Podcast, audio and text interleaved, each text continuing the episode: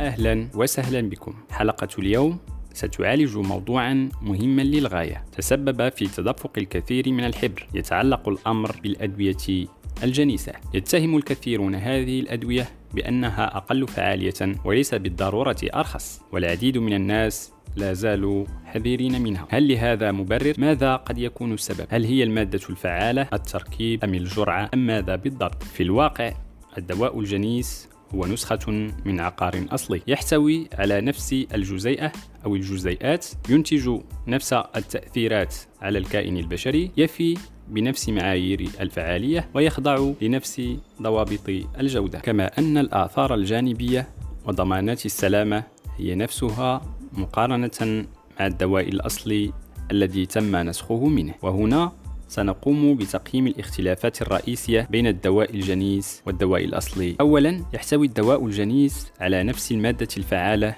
للدواء الأصلي، فكل دواء يحتوي على عنصر نشيط وعندما تسقط براءة الاختراع التي تحمي هذه الجزيئة تجاريا في الملكية العامة أي بعد 20 سنة من اكتشافها تقريبا يمكن للمختبرات التي لا تمتلك هذه البراءة الأولية تصنيع الأدوية الجنيسة دون استثمار إضافي في البحث وهذا ما يفسر فرق السعر بين الدوائين. ثانيا الدواء الجنيس والدواء الأصلي لهما نفس الجرعة أي لا تتغير الوصفة الأساسية للدواء الجنيس عن تلك الخاصة بالدواء الدواء الذي يحمل اسم العلامة التجارية أي أن الأدوية الجنيسة تحتوي على نفس المواد الفعالة وبنفس التركيز كما في الدواء الأصلي. لكن بعض المكونات يمكنها أن تتغير مثل السواغات وهذه العناصر ليس لها تأثير علاجي ومع ذلك فهي ضرورية لتصنيع المنتج لأنها تسهل امتصاص الدواء. ثالثا إنتاج الدواء الجنيس أقل تكلفة إذ قد يتغير أيضا حجم أو لون أقراص الدواء الجنيس. والفائدة هنا هي الحصول على دواء أرخص عن طريق بذل جهد أقل على الشكل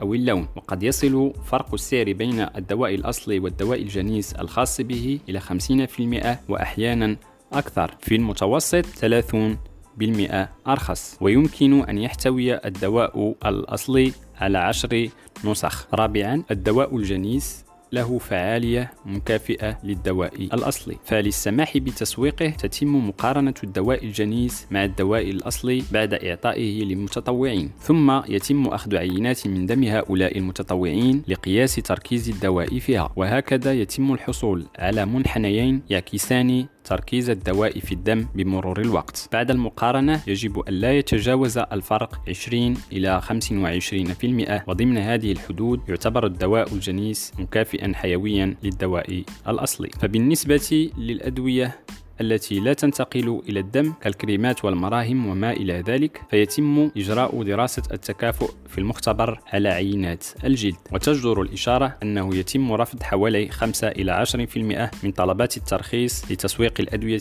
الجنيسة مما يؤكد صرامة السلطات الصحية عند ترخيص تسويق أي دواء جنيس حرصا على الصحة العامة. النقطة الخامسة تهم الرأى التي تخضع لها الأدوية. فالتيقظ الدوائي يجعل من الممكن مراقبة ظهور أي آثار جانبية غير مرغوب فيها بعد تسويق الأدوية بما في ذلك الأدوية الجنيسة. ووفقا للعديد من وكالة السلامة الصحية والأدوية لا تظهر مراقبة الآثار الضارة أي اختلافات ملحوظة بين الأدوية الجنيسة والعقاقير الأصلية. كما يمكن لأي مريض أيضا الإبلاغ عن أي آثار جانبية خلال استعماله للأدوية. أما سادسا وأخيرا فكما هو الحال مع أي دواء يمكن أن تحدث حساسيات. الصواغات بصفة خاصة يمكن أن تسبب آثارا جانبية لكن هذه العناصر هي أيضا جزء من تكوين الأدوية الأصلية. وبالتالي فإن الأدوية الجنيسة بحد ذاتها ليست مسببة للحساسية أكثر من المنتجات المنتجات